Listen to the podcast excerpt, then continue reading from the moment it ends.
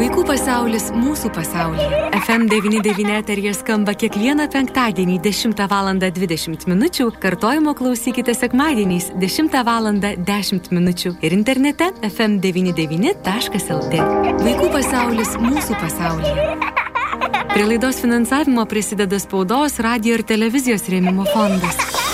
Labadiena, brangus FM99 klausytojai. Pats metas mūsų laidai Vaikų pasaulis mūsų pasaulyje. Tad studijoje prie mikrofono esu aš Eglė Malinauskinė ir tikrai labai malonu pasisveikinti su kolegomis, su laidos dalyviais ir laidos svečiais. Ir tai yra Alitaus jaunimo centro jaunųjų žurnalistų kursų nariai.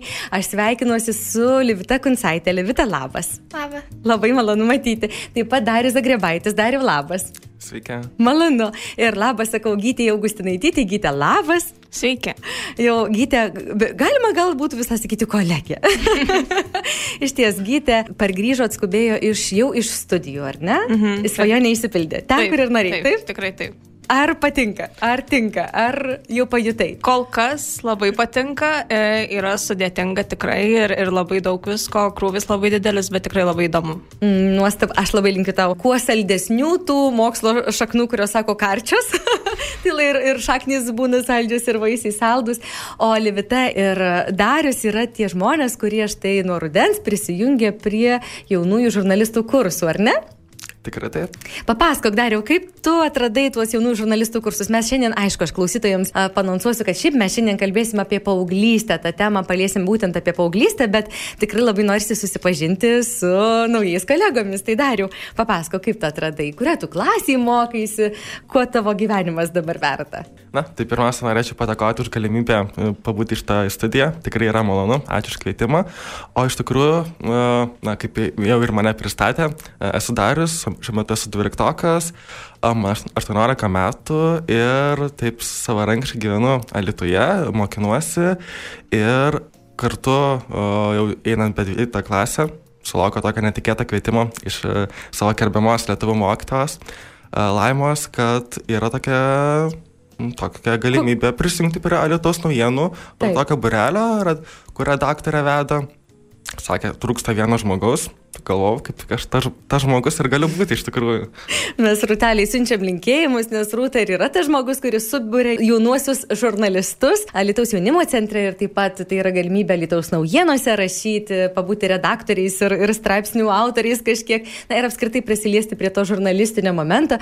Ir labai džiaugiuosi, kad mes taip draugaujam ir radio laidose, tai toks dar, dar platesnis toks spektras žurnalistikos, ar ne, atsiranda. Livita, o kaip tu, kaip tavo čia dabar šis ruduo, kuo tu gyveni? E, Šiais metais aš jau esu septintokė, pati pradžia labai sunki, daug testų atsiskaitimų.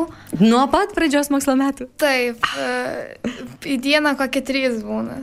Mm. Tiek. Bet vis tiek atrandi laiko dar ir tai maloniai veiklai, ar ne? Taip. Tau ta žurnalistų veikla, tokia pati pradžia jos, e, tau mm, įdomi, ji patraukli, kodėl tu pasirinkai būtent tokią popamokinę veiklą? E, Aš gal dėl to pasirinkau, dėl to, kad aš esu iškalbi ir man patinka rašyti daugiau, e, pasakoti, tai dėl to pasirinkau. Tai.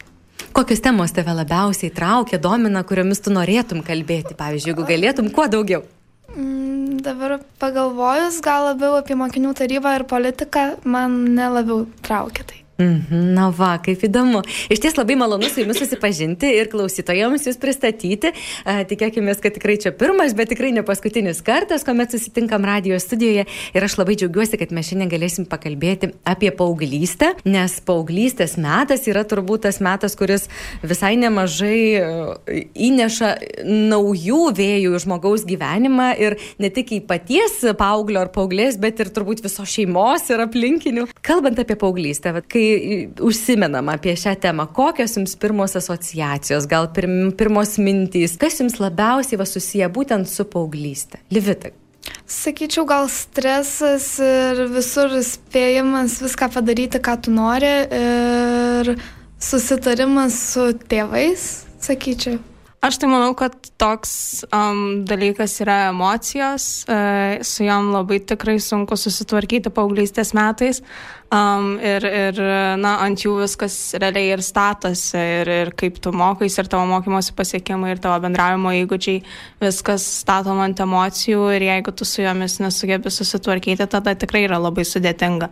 Tai pirmiausia, ateina toks žodis pokyčiai, nes tai yra iš tikrųjų metas, kai kiekvieni nauji metai, nauji mokslo metai ar nauji kalendoriniai metai yra kupini pokyčių, jie nebūna vienodi, būna vis kažkokių naujų atradimų, iššūkių, o, naujų sunkumų ir tai yra malonu, nes tai nėra monotoniškas, nėra monotoniškas mm -hmm. gyvenimas, būnant paauglystėje, bet žinoma, yra ir ta gal tokia tamsoji pusė, taip galima išsireikšti, mm -hmm. kai na vis tiek reikia sutvarkyti juos, valdyti tos iššūkius, tos pokyčius, suprasti, kas kodėl e, vyksta. Ir turbūt kuo toliau, tuo daugiau tų iššūkių, kuo toliau, tuo daugiau tų pokyčių, ar ne? Jeigu vaikystės tas etapas, periodas yra tai, kada dar daugiau gal tėvai daro, tėvai pasako kažką, tiesiog padeda, ar ne? Tai jau paauglystė turbūt tas laikas, kai jau ir patiems norisi imtis daugiau iniciatyvos, daugiau, ar ne?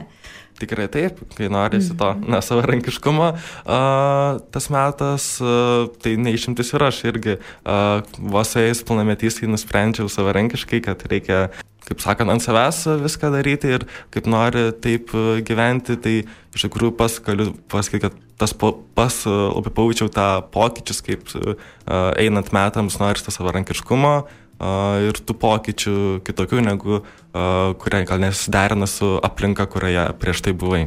Mhm. Na iš tiesų mes čia studijoje dabar esame visi labai skirtingų patirčių, skirtingo amžiaus ir tai yra labai labai puikus dalykas. Mes galim labai taip iš įvairių kampų apčiupinėti tą paauglystės periodą, nes tikrai ir daugybė straipsnių yra ir laidų ir, ir visokių kitokių dalykų ir statistikos, kad net pavyzdžiui paauglystės metu, pavyzdžiui, berniukai net artimoje aplinkoje patiria daug daugiau smurto negu įprastai, pavyzdžiui, ar ne, tie smurtiniai įvykiai net. Kodėl? Kaip Jūs galvojate, štai gytė ir užsiminė apie tą tą emocinį tokį e, foną, kuris, su kuriuo reikia susidoroti, ar ne, gal vieni labiau jautrus žmonės, kiti mažiau, bet vis tiek tai yra didelis toks krūvis. Tai kaip Jūs manote, kodėl kyla tie tokie, sakykime, konfliktai su aplinka, su artimaisiais, ar jų daug kyla, o gal čia tik tai gal tėvam, pavyzdžiui, taip atrodo, kad va jau čia, žinai, tie vaikai išprotėjo, o iš tiesų kaip patys paaugliai jaučiasi tuo paauglystės periodu, kaip manote, dėl ko tie konfliktai tokie su aplinka kyla? Aha, e, čia gal labai individualios, individualūs dalykai yra, bet Bet tie konfliktai, jie kyla dėl to ir kyla dėl to, kad tu nesugebi susitvarkyti su, ta, su savimi ir tu nesugebi pakelt viso svorio, kurį ant tavęs deda pasaulis ir aplinka. Ir tada tu galbūt tai išreiškia per smurtą, per, per kažkokius savęs žalojimus, kas iš tikrųjų yra labai baisu. A, todėl visada reikia duoti jaunam žmogui paramą ir, ir pagalbą, e, nesvarbu, ar, ne, na, kaip nesvarbu, svarbu, ar jis ją priima ar ne, bet, bet tu turi jam sudaryti, gali, parodyti, kad yra tokia galimybė, kad aš tau galiu padėti. Um, ir tiesą sakant, labai daug jaunų žmonių, nes ne, na, jie negauna tos pagalbos, ypač iš artimos aplinkos, iš šeimos, uh, jie tik dar labiau kartais stumia į, į, į tas psichologinės problemas ir, ir į emocinę sveikatą, emo, emocinę sveikatą gadina gyvena. Tai čia labai daug faktorių yra, dėl ko taip vyksta, bet, bet su tuo reikia kaip nors padėti jaunam žmogui susitvarkyti. Mm, štai tu kalbi ir dar jūs linksi galvą, o tuomet Kaip jums atrodo, štai gytė užsimeniai, kad kartais e, norėdami padėti, ar gal kaip tik nenorėdami, ar ne, dar daugiau žalos gali padaryti mhm. artimieji tėvai, pavyzdžiui, ir neipatingai turbūt tėvai. E, o kaip jam padėti, kad jis priimtų tą pagalbą, tas žmogus, ar ne? Mhm. Pasiūlymai tinka, ne, kažkokie ten, nežinau, moralai, kurie atrodo, nu kaip čia dabar, kaip čia. Kas yra ta pagalba, kokia ji turėtų būti, kad būtų priimta? moralai tai nu, be šansų, jie tikrai nepadės. Dar, dar, labiau, tik dar labiau stums į tą visą užsidarimą savęs. Čia, manau, turėtų suveikti toks dalykas, ta, ta pagalba ir ta parama nuo pat vaikystės, kad žmogus žinotų, kad jisai gali į kažką kreiptis, gali į kažką atsiremti. Nes jeigu tu staiga vat, pamatysi, kad paaugliui yra blogai ir sakysi, nu tai dabar išsipasakok, nu pasakyk, kas tau yra negerai, jisai nepasakys tikrai, nes jisai nejaus, nu, jis žinos, kad jisai nejautė to palaikymo nuo tada, kai jisai buvo visai, visai mažas. Ir tada atsiranda ir nepasitikėjimo faktorius e, ir, ir tada jaunas žmogus tikrai nenori nei kalbėti, nei, nei kažką daryti daryti ir jisai užsidaro savį ir jam labai sunku iškesti visas tas emocijas ir jausmus.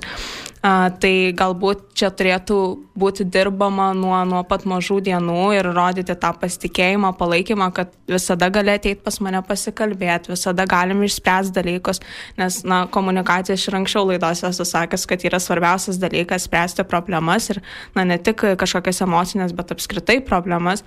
A, tai, tai reikia rodyti, kad na, mes galim kalbėtis ir galim išspręsti. Jeigu aš neišspręsiu ir nepadėsiu tau pasakyti, na, ne, nepadėsiu tau kaip nors, yra specialistai, kurie, kurie gali. Ir... Alternatyva irgi taip, turėtų būti, ar taip, ne? Tikrai, mhm. tikrai taip. Ir, ir galbūt dar reikia akcentuoti tai, kad kreiptis pas specialistus nėra kažkoks silpnumo ženklas, nes labai dažnai jauniems žmonėms tai atrodo, kad aš čia dabar naisiu pas psichologą, tai viskas, čia aš nu, neturiu kažkokio savo stipraus emocinio lauko, mane čia su, sugniždys, aš čia silpnas, neturiu kažkokios jėgos.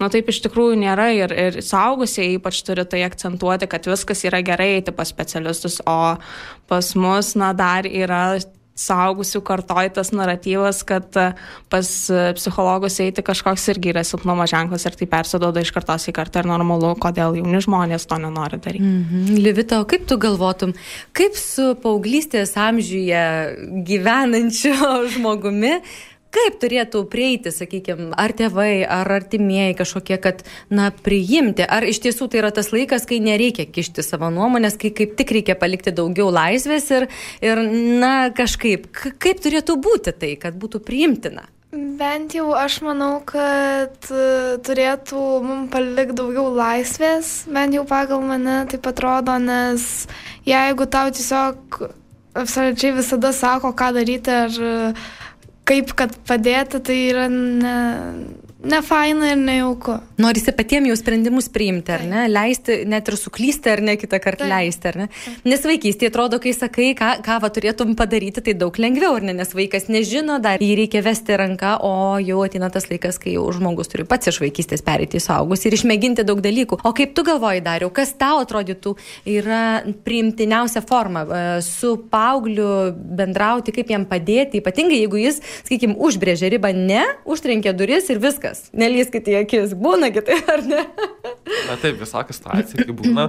Bet manau, žmogus, kuris jaučia pareiką padėti, tai turėtų suprasti ir žinoti, su kuo turi reikalą. Kad tai atsižvelgti į žmogaus amžių, kaip paauglys, kokios yra aplinkoje, kuo jis šiaip kasdienybė, ką jis daro ir taip kalbėtis, nes yra skirtumas, kaip bendrauti su dešimties metų žmogumi ir su penkiolikmečiu. Atrodo, penki metai kaip ir nėra, čia yra daug, bet tie penki metai iš tikrųjų tam amžiui tai yra visiškai kardinalūs pokyčiai. Mhm. Atsiranda ir žinojimas, kad negalima užbrėžti draudimų, nes draudimai, na, praktikai matom net ir iš valstybės gyvenimo, kad nelabai veikia, taip pat ir žmogaus gyvenime tie draudimai dažniausiai tik priverčia siekti to dalyko, kaip uždraustas vaisius yra skaniausias. Mhm. A, iš tikrųjų. Ir aš manau, iš tikrųjų, kad taip, tėvai gal ir negavo, iš tikrųjų turi daugiausia patirties, bet tokia jau yra ta realybė, kad mm, gal kolegas pritars, nežinau, bet paaugliai dažniausiai pasiima mm, patarimus, pavyzdį iš savo bendramžių, savo draugų, būna ir iš jų klaidų, na ir iš savo klaidų pasimoko, na, o iš tėvų, gal iš giminių pasakymų, na, sunkiau viską įsikalti galvą ir gal taip nesinori labiau priimti. Mm. Aš iš ties prisimenu e, ir pati save, kai atrodo, jų čia aš taip dabar viską žinau ir dar kažką, ir, ir, ir taip norisi dalintis ir, ir realiai puikiai atsimenu save paauglystės laikotarpį ir dabar jau iš saugusio žmogaus perspektyvos ir galvoju, nu, tai tokia šypsena kelia saugusiam žmogui, bet jeigu jis pradeda pasakot, kad ne, tai tada tu taip karštai gini savo nuomonę. Tiesiog ir taip norisi viską išmėginti, ir taip norisi pačiam padaryti, pačiam. Ir iš ties ir psichologai sako, kad reikia nebijoti leisti vaikam ir klysti ir stabdyti tik tada ir, ir paaugliam ir jaunuoliams, kada jau tikrai matai realią grėsmę. Ar ne? Na, nes kitaip kaip tu neišmėginęs, ir nežinosi, ar negi negali pasitikėti, kad tau visi kažką tik tai sako, ir tu, žodžiu, negali gyventi kitų nuomonėmis, ir tai yra labai svarbus dalykas, žengiant į suaugusio žmogaus pasaulį. Na, o jeigu kalbant apie paauglystę, e, tokius, sakykime, praktinius dalykus, kas daugiausiai kelia iššūkių? Pavyzdžiui, ar, ar sakykime, kūno pokyčiai, atrodo, net vaikystė, net ir e, jau, jau link paauglystės, net, net ir lauki, nu kada jau čia koks ten spogas atsiras, nes jau atrodo, kad tu jau, jau, jau pasitikėjai pasiekiai tam tikrą etapą, kur jau tu tampi vyresnis ir tai taip žavingai atrodo. Ar pavyzdžiui, meilės ar net kontaktas su priešingos lyties. Nu, tai yra, žmogum tai yra taip svarbu ir tai visą tą praeina visi žmonės. Tik tai atrodo, kai tau tai yra, tai kažkaip gal ir ne, nu kažkaip atrodo, tai jau čia tik tai man vienam, bet iš tiesų ne, tai yra visiškai bendra. Tai kas yra tie tokie didžiausi paauglystės iššūkiai? Aš tai manau, kad didžiausias iššūkis bent jau, ką aš iš savo aplinkos mhm. mačiau ir, ir iš savo patirties, tai savęs atradimas ir, ir savo identiteto sukūrimas, galbūt taip galima mhm. išreikšti, nes mes gyvenam tokiam pasauliu, kur ir mes augom tokiam pasauliu, kur na, visko yra labai daug labai daug skirtingų pavyzdžių, labai daug skirtingų žmonių, kuriuos tu gali lygiuotis ir kurie, atro, kurių gyvenimas atrodo labai nuostabus ir be jokių trūkumų, be, be jokių iššūkių ir tu automatiškai pradedi lygiuotis į juos ir, ir tu nekuri savęs kaip tokio, kaip atskiro individo. Tai um, čia aš nežinau, kaip su tuo galima būtų tvarkytis, nes tai yra sudėtinga, mes na, gaunam labai daug informacijos iš skirtingų šaltinių, skirtingų socialinių tinklų ir na, galbūt reikėtų šiek tiek atsiriboti ir, ir, ir nežinau, ribotis tą informacijos kiekį, kurį tu gauni ir dirbti labiau su savimi. Kaip sudėtinga. Čia yra žiauriai sudėtinga ir, ir tas atradimas savęs ne, neužtrunka metus ar du, ten na, tas laikotarpis yra tikrai ganėtinai ilgas, bet e, kartu mes turime ir daug tokių galimybių, per kurias tu gali atrasti dalykus, kurie tau patinka ir tie dalykai gali padėti tau susiformuoti save. Tai kaip ir savanorystės galimybės, mainų galimybės, e, tų, tų visokių galimybių mes turim tikrai labai daug ir jom tai tiesiog reikia naudotis ir, ir galbūt tai padeda sukurti save. Mhm, žinai, va, kalbant apie tą identitetą, galvoju, kad tikrai va, neretas toks atvejis turbūt būna, turbūt būna, kur ir gal sukelia tokį ir dirgulį mhm. aplinkoje, ar ne, kad pavyzdžiui, va, tuo savęs paieškų metu, sakykime, jaunas žmogus pradeda pavyzdys, mėlynai nusidažo plaukus, ten apsiauna, nežinau, basutes ir koinės, kai šalta. Tas toksai atrodo iššūkio metimas Tai galima būtų irgi iš ties pasakyti, kad yra tas savęs to paieška tokia. Visiškai, visiškai taip. Na, mes e, paaugliai daro visokius kvail, net, net negaliu pasakyti kvailus dalykus, na jie taip atranda save, o kaip ir sakėt, kad nusidažo plaukus mėlynai, ten, nežinau, antakius išsiskutinėja, nu ten, na, prasme, tai yra normalu ir tai yra savotiškai gražu, nes tai yra žmogaus kelionė į save, į, į, į, į save, tą tikrą į save. Tai tokius dalykus aš manau, kad reikėtų tik tai palaikyti ir nedrausti jaunam žmogui tokių dalykų daryti. E, kad jisai na, pamatytų, kas jam tinka, kas jam gerai, kas jam negerai ir, ir tada jisai pats nuspręs, koks jisai nori būti. Žinai, aš tavęs klausydama ir, ir, ir iš ankstesnių laidų neįsivaizduoju, kad tu galėjai nusidažyti raudonai plaukus, pavyzdžiui, suskusti antakius ir susis, susisekti ten, nežinau, 15 auskarų. Kiekvienam čia labai skirtingai yra. Ten, aš, aš net nežinau, kokį aš pavyzdį galėčiau duoti iš, iš savo gyvenimo, kurį, na, kuris atitiktų maždaug tą, ką mes pasakėm prieš tai, bet e, aš galbūt labiau save realizavau, jėzau, liežuvis panasi, per, per tos praktinius dalykus, per veiklas ir, ir automatiškai gal neliko laiko nusidažyti tos plaukus. Mhm. Nesigaili to? Ne, visiškai ne. ne. O ką tu livite galvot? Aš norėjau paklausti tavęs, o tai jeigu, kai tu bandai atrasti save, o tavo, pavyzdžiui, klasiokai, E, to nepriima ir pradeda iš tavęs šaipytis ar tyčiotis. Mhm, čia yra labai didelė problema, ypač šio laikiniam pasaulyje ir, ir šio laikinėse mokyklose. Um, ir kaip tai reikėtų spręsti, aš nežinau. Čia, na, vėlgi turi ateiti palaikymas iš tavo artimos aplinkos. Gal mokykloje tai tu palaikymo tikrai nesulauksi, na, nebent iš kai kurių mokytojų, bet ir tai ne dėl tokių dalykų. Jie ateisi nusidažęs mėlynai plaukus, jie iš tavęs juoktis pradės. Ir čia yra labai žiauru, nes tai žlugdo žmogų emociškai, ypač jauną žmogų, kuriam ir taip yra beproto daug sunkumų. Uh, iš bendramžių palaikymo, jeigu jie nėra tikri draugai, irgi nesulauks. Ir čia irgi yra labai svarbus aspektas, a, todėl visada palaikymą turi jausti šeimoje ir vėlgi daug, daugelis jaunų žmonių šeimoje palaikymo nesulaukia ir tada mes klausim savęs ir kitų ir ieškom tų atsakymų, tai kodėl čia tas jaunas žmogus toks, na, psichiškai, ne, ne tai, kad psichiškai nestabilus, bet e, ne, nėra to, neturi to emocinio išsilavinimo, todėl kad jisai neturi iš kur jo mokytis. Ir, na, čia tas ratas vėl sukasi užburtasis, aš nežinau, kaip jį reikėtų sulaužyti, kad, na, ta situacija keistųsi. Bet, žinai, aš dabar galvoju, kad visai neseniai bijau sumeluoti ir pasirodyti baisiai neišprususi, bet Aristotelis ar Platonas kuris čia buvo užrašęs, kad jau šiais laikais jaunimas neklauso tėvų, jau koks jaunimas, o tai buvo prieš kiek metų. Tai visais laikais tos problemos, mhm. ar ne, kažkokie, jeigu problemom galima, čia gal iššūkiais daugiau pavadintume. O kaip tu dariau, galvotum, kokios yra tos, Livitai irgi, tos nepalaikymas, ar ne, netradimas palaikymo, pavyzdžiui, bendramžių, kas yra paauglystė ypatingai svarbu. Gytė užsiminė apie tą emocinį svorį, ar ne, kurį sunku atlaikyti. O kaip tu galvotum, kas yra tie tokie didžiausi iššūkiai, gal netgi galėtum, pavyzdžiui, kalbėti iš vaikinų pusės, ar ne? Kas yra didžiausi iššūkiai, nu, su kuriais tikrai susiduri, tiesiog ir va, sudėtinga yra. Na, taip, tai manau, paauglystėje didžiausias vienas iš tokių iššūkių yra atsakomybė. Mhm. A, ką noriu to pasakyti, kad taip kaip iki 12 metų, kai esi mokykloje, kaip tu juos išleisi, kaip galų gale parašysi egzaminus, kokiu, su kokia draugų grupė susidėsi, tai gali labai nulemti tavo gyvenimą ateityje. Taip galima tą gyvenimą labai pakeisti pat kuriuo momentu, bet na, po 20, po 25 metų tą gyvenimą būna sunkiau pakrypti kitu, kitą linkme.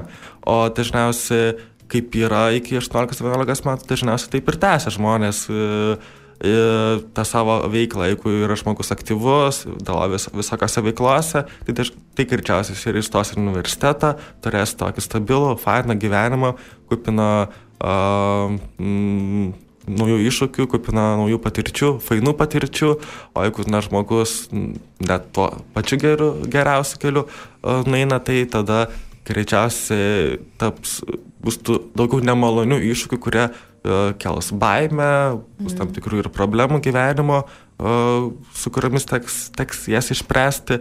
Tai manau ta atsakomybė, nes iš tikrųjų daug visokių galimybių, ką su kokiais žmonėm bendrauti, ką daryti, bet gali vienas kitas pasirinkimas labai nulemti tavo mm. ateitį gyvenimo. Ir iš tiesų, kai dar nėra didelės patirties bagažo, tai labai sunku projektuoti į ateitį, ar ne, kaip čia galėtų būti, nes norisi viską. Va, tarp kitko, e, jeigu staptelėtume prie to, prie šitos temos, kurią tu užsiminiai, man labai kažkaip e, į smegenis tuksi ta mintis. Taigi ir ypatingai paauglystėje ir tos priklausomybės visokios atsiranda, ar ne, ir labai sunku su tuo susitvarkyti. Ir man pačiai šią vasarą teko susidurti su nuostabiu paauglių būreliu, teko stovykloje pabūti vadovę ir tikrai pamačiau, kokie skirtingi yra kokie įdomus, e, su kokiomis tik truputį teko su, pamatyti, nes tiek, kiek leido, nes iš tiesų labai protingi, labai gudrus jauni žmonės, bet vis tiek e, pajutau, kad net ir, sakykime, tuo priklausomybių klausimu, jeigu tu kažką mėgini liepti, tai pamiršk. Mhm. Bet jeigu beldėsi kažkaip į sąžinę, ar ne, sakykime, reikėtų ten tos veipinimus kažkaip, čia bent va tuo metu, labai prašau sąžiningai, ta prasme, tartis per, į sąžinę, į, į žmogaus gerumą belstis, tada tikrai gali pasiekti kažkokio rezultato. Kodėl vaikai, jaunimas, paaugliai, kaip jūs matote, paneria į tuos veipinimus, alkoholį, e, rūkimą, tokį agresyvų elgesį, ar čia tiesiog nu, privalomas toks paauglystės momentas, ar, ar ir vėlgi tos praleistos progos su tėvais pokalbių ir panašiai? Nemanau, kad čia dėl tėvų viskas, manau, kad dėl streso ir emocijų. Bet aš to nepatyrus ir niekada nebandžius to, tai dėl to negaliu tiek daug papasakoti. O kodėl tu nepamėginus? Ar tau pavyksta atsilaikyti, ar tiesiog mato, sakykime, bendramžiai, kad tu į tai nelinkusi ir tavęs net netraukia? Kaip yra, kaip galima išvengti šito? Tiesiog aš apie tai negalvoju ir nesigilinu apie tą visą dalyką. Mhm, priklausomybės. Mhm. Taip, mano klasiokai žino, kad aš tikrai niekada ne, nebandysiu ir nebandžius, tai jie man net nesiūlo, nors nemanau, kad ir jie rūko nei vienas. Bet... Mhm. Mhm. Žodžiu, kai turi už, užbrėžęs tam tikrą ribą, turi stiprumą toje vietoje, tai gali atlaikyti, ar ne kažkaip? Manau, kad uh, tie tos priklausomybės jos atsiranda kartu, aš nežinau kaip lietuviškai pasakyti šitą žodį, bet trendai e, Aha, ateina, na, populiarumas. populiarumas, tos tendencijos, galbūt čia taip galima išreikšti.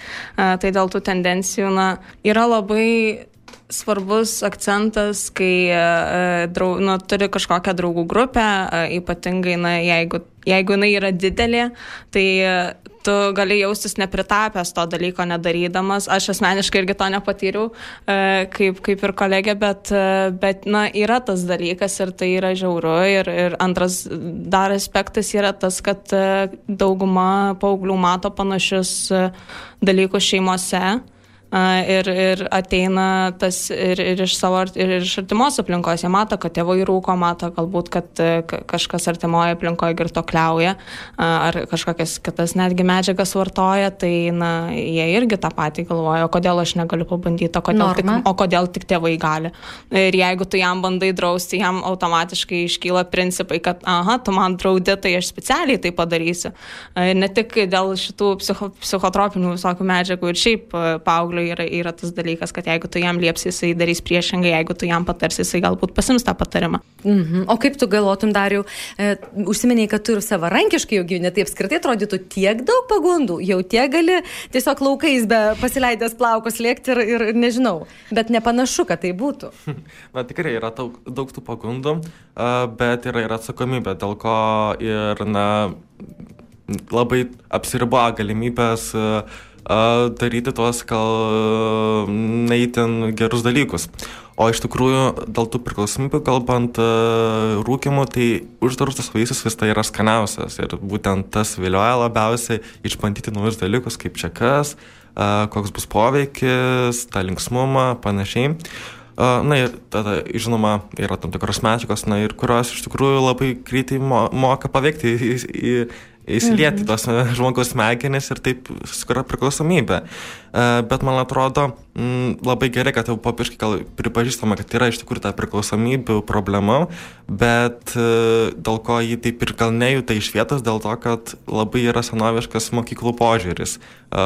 Pas pernai mokiausi Anykščiuose ir buvo rasta narkotikų pėdsakų mokyklose, mokykloje mano gimnazijoje, tai na, prevencijos kokia, kokia prevencijos programos, kurios buvo vykdomos, tai, na, tokios juokingos, pasakyčiau, buvo, iš tikrųjų, mhm. požiūris buvo labai keistas, tai, na, labai keista, ko tikėjosi tie žmonės, kurie na, rašė projektą, a, tos prevencijos įvykti, a, darė, gal, gal galėtų žmonės, kurie mums dėstė tos dalykus, nes labai buvo iš tikrųjų, na, prabėgom, atrodo, net pačiam žmogui net neįdomu, ką jis pasakoja, o tada ir jaunimui neįdomu, O kas galėtų būti tas, ta veiksminga priemonė, kaip reikėtų ateiti pas jauną žmogų ir kalbėti tokiamis svarbiamis temomis, kad tai būtų iš tikrųjų patrauklu, kad tai ateitų iki žmogaus proto ir, ir širdies ir, ir pasi, nu, pavyktų pasibelsti iš tiesų tą jauną žmogų. Mhm. Tai man atrodo, yra labai daug pavyzdžių iš vakarų, iš Skandinavijos šalių, tai man atrodo, uh, jeigu, na, uh, tikrai galėtų visuomenės sveikatos centrai, mokyklos, mokyklų direktoriai, mokytai pasisemti iš ten e, žinių, o neremtis gal labiau rytietišką patirtim, nes, na, pasakymas, kad nuo mm, vieno alkoholio gurkšno ar nuo vienos e, suktinės esivers keliai priklausomybė ir bus tiesiog uh, Uh, jau labai labai baisu, na, iš tikrųjų neveikia ir, sak, žinau, jau paaugliai irgi jie nėra durni, kad tai yra, na... Jau juolab, kad ir išmėginę yra, ar ne? Vienas kitas. Taip, mhm. gali būti, kad yra ir išmėginę ir žino, kaip ten kas yra, tiesiog reikėtų realią kalbą kalbėti ir labiau į tas realius pavyzdžius akcentuoti ir mm, jaus, kad jau kalbi su žmonėmis, kurie, na, lygiai vertis, o ne kažkuriais, kurie yra žemiau tavęs. Taip, iš tiesų nenuvertinti ar ne, nenumenkinti žmogaus dėl to amžiaus, kad jis yra jaunesnis, nes iš tiesų sako, reikėtų nusileisti iki vaiko lygio, o kita vertus iš tikrųjų tai pakilti iki mhm. vaiko, tu turi gebėti pakilti, kad, kad jis tave išgirstų, tai yra tikrai labai svarbu. Na ir dar apie tas naujoves, aš labai noriu mūsų pokalbio pabaigoje pakalbėti, tai ypatingai, aišku, tai yra programa nuo, nuo, nuo pradinukų iki jau vyriausių moksleivių apie gyvenimo įgūdžių programą, kuri yra dėgiama mokyklai mokyklose ir tikrai sulaukia labai labai kontroversiško tokio nuomonių ar neįvairių tų nuomonių.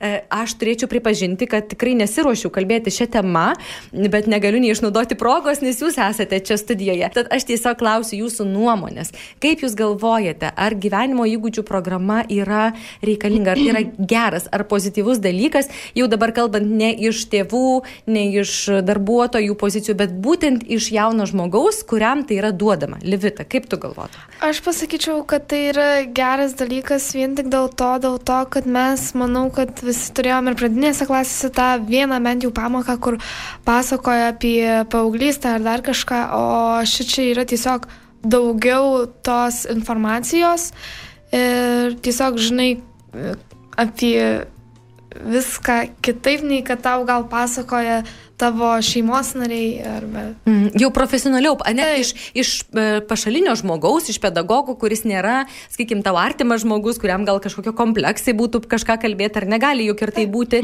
Ir plus tai yra jau turbūt informacija praėjusi tam tikrus filtrus, ne tai, kad tu įsijungi interneto erdvės ir randi bet ką, ar ne? Taip. Tai tu galvotum, kad tai yra naudinga programa, ar ne, mokyklose? Taip.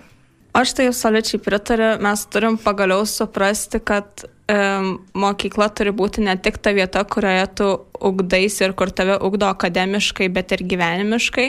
Ir ačiū Dievui, kad šita programa iš tikrųjų atsirado. E, aišku, reikės labai daug metų, kad praeitų dar, kad ta programa jinai veiktų iš tikrųjų, kad mokytojai pasisemtų tam tikrų mhm. žinių, kad jie galėtų e, normaliai kalbėti tam tikromis temomis, o ne tiesiog skaityti tekstą ar, ar tiesiog iš parengtų skaidrių. Uh, tai čia dar reikės metų, kad praeitų, bet, bet labai gerai, kad pagaliau yra ta pradžia ir tas žingsnis žengtas ir aš nelabai suprantu tų žmonių, kurie nepritarė ir kurie ištraukė vieną konceptą, kad čia uh, skatina ta programa kažkokį biseksualumą ar, ar, ar, ar kažkokias kitas, galbūt kaip jie galvoja, kad tai yra problemas, uh, kas iš tikrųjų nėra problemos ir man toks, na, šviečiasi dalykas, kad jie nenori, jog mes mokytumėmės apie tuos dalykus, apie kuriuos jie neišmano. Na, jau ne mes mokytumėmės, bet kiti jaunesni. Tai, na, aš tai visiškai palaikau. Tai yra labai svarbu, be proto svarbu, lygiai taip pačiai kaip ir matematika, istorija lietuvių kalba. Žmogus turi būti protingas absoliučiai visose srityse. Tai, na, arba turi turėti bent jau įgūdžius arba įrankius, su kuriais jisai gali, na, save tvarkyti ir, ir savo emocijas tvarkyti. Tai, tai yra labai svarbu. Mhm. O kokia tai būtų tavo darių nuomonė, gal tu kaip tik nepritari? Papasakok, ką tu manai apie tai. Taip, uh, tai dar norėčiau pridėti, kad mhm. na, yra dar viena nuomonė iš tos paragatų pusės, kad ta programa na, neišspręs visus, visos švietimo sistemos problemų. Tai taip, tiesa, mhm. šita pamoka tikrai neišspręs mokytojų streiko ir visų kitų esančių problemų, bet manau, jį kartu ir nebablogins visko, kadangi programa yra tai, kas ten beveik nieko naujo nėra. Tai yra, kas buvo biologijos pamokose įvairiose žmogaus saugos pamokose, taip išdėstyta, išmėstyta per visus metus, sudėta vieną pamoką, kad tai yra labai, man atrodo, gerai, nes uh, tada uh, biologijos pamokose nebus, kad eina temos uh, apie lastelę ir panašiai, ir taip viena tokia pamoka apie litiškumą, ir tada mhm. vėl, uh, ir tada taip pasimeta ta tema tokia tarp visko, mhm. o tokia atskira pamoka, man atrodo, yra tikrai labai gerai. Uh, ir labai džiaugiuosi, kad yra judama uh, švietimo sistema į priekį, nors iš mažai žingsnelis, bet atsiranda tų naujų pokyčių, nes tik su naujais pokyčiais galima E, išbandyti ir pakeisti kažką, nestovint vietoje, na ir stovėsit vietoje. -hmm. Aš dabar dar jūsų klausydama galvoju, kažkai, ar gali kiekvienas mokytojas tas pamokas dėstyti? Tikrai nemanau, kad gali kiekvienas mokytojas dėstyti tą dalyką dėl to, kad arba nenusimano apie tai, arba tiesiog kiek žino, arba kaip tu sakai, kad tiesiog į skaidrę žiūri ir skaito, tai tai nėra tu nepriimsi tos informacijos mhm. kaip uh, tikros informacijos, nes tu tiesiog, jinai tiesiog skaito iš teksto, kurį mhm. iš interneto ištraukė, o mes ir patys galim pasiskaityti internete. Mhm. Tai ir, ir turėtų būti ir, ir pateikimas Na tikrai, aš esu labai dėkinga jums už tiek daug e, įvairių įdomių e, nuomonių. Ir paskutinis mano klausimas, nes jau laikas žiūriu visai, visai, čia mes taip išsitėsim. Ta mūsų laida, nes su jumis tikrai labai įdomu bendrauti. Tiem paaugliam, kurie mūsų laidos klausys video įrašą įsijungs, kadangi tai yra ir YouTube kanaliai keliama ir, ir svetainėje. Ir kurie, vas, sakykime, netranda to, yra strese, yra kažkokiose tokiose sudėtingose situacijose, tuo paauglystės laikotarpiu, po kokį vieną gerą patarimą jūs kaip žmonės, kurie arba visai neseniai va praėjote paauglystę, ar dabar esate tame pokyčių laikotarpyje, ką jūs patartumėte tam jaunam žmogui? Kaip žmogus, kuris yra, sakykime, tame etape. Manau, nereikėtų užsidėti jokių kaukių, e, reikėtų būti savimi, kaip, ir, kaip banaliai tai skambėtų, bet uh, nereikia, kaip sakoma, primesti kažko, o tiesiog uh, būti tuo, ko uh, tu ir esi ir uh, tuo būti kiekvieną dieną. Ačiū Dariu. Aš tai sakyčiau, gal ramybės, kad viskas ramiai, jeigu yra problemos, jos išsispręs, nors ir dabar atrodo, kad, na, ten be šansų, kad, kad kažkas pasikeistų, bet jeigu yra problemos, jos išsispręs, jeigu tu kažko nesupranti, tu tai sužinosi, tu tai susirasi, viskas yra gerai ir viskas bus gerai. Tai čia gal toks palinkėjai. Ačiū, Gyta. Ližita, kad tu. Na, labai turiu ką pridėti, bet manau, kad jeigu blogai jautiesi, turi uh, savim pasitikėti. Uh, ir tada viskas išsispręs, manau. Kalbėjome su Alitaus jaunųjų žurnalistų iš Alitaus jaunimo centro kursų nariais Livita Darimi ir Gytė. Vaikų pasaulis mūsų pasaulyje. Laidą iš dalies finansuoja Spaudos radio ir televizijos rėmimo fondas.